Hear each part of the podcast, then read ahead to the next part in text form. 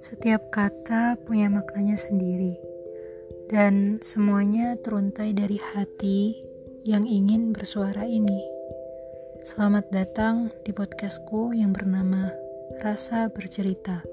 Dengan aku, Melani, akan menemani perasaanmu agar didengar oleh semesta. Selamat bergabung dan selamat mendengarkan.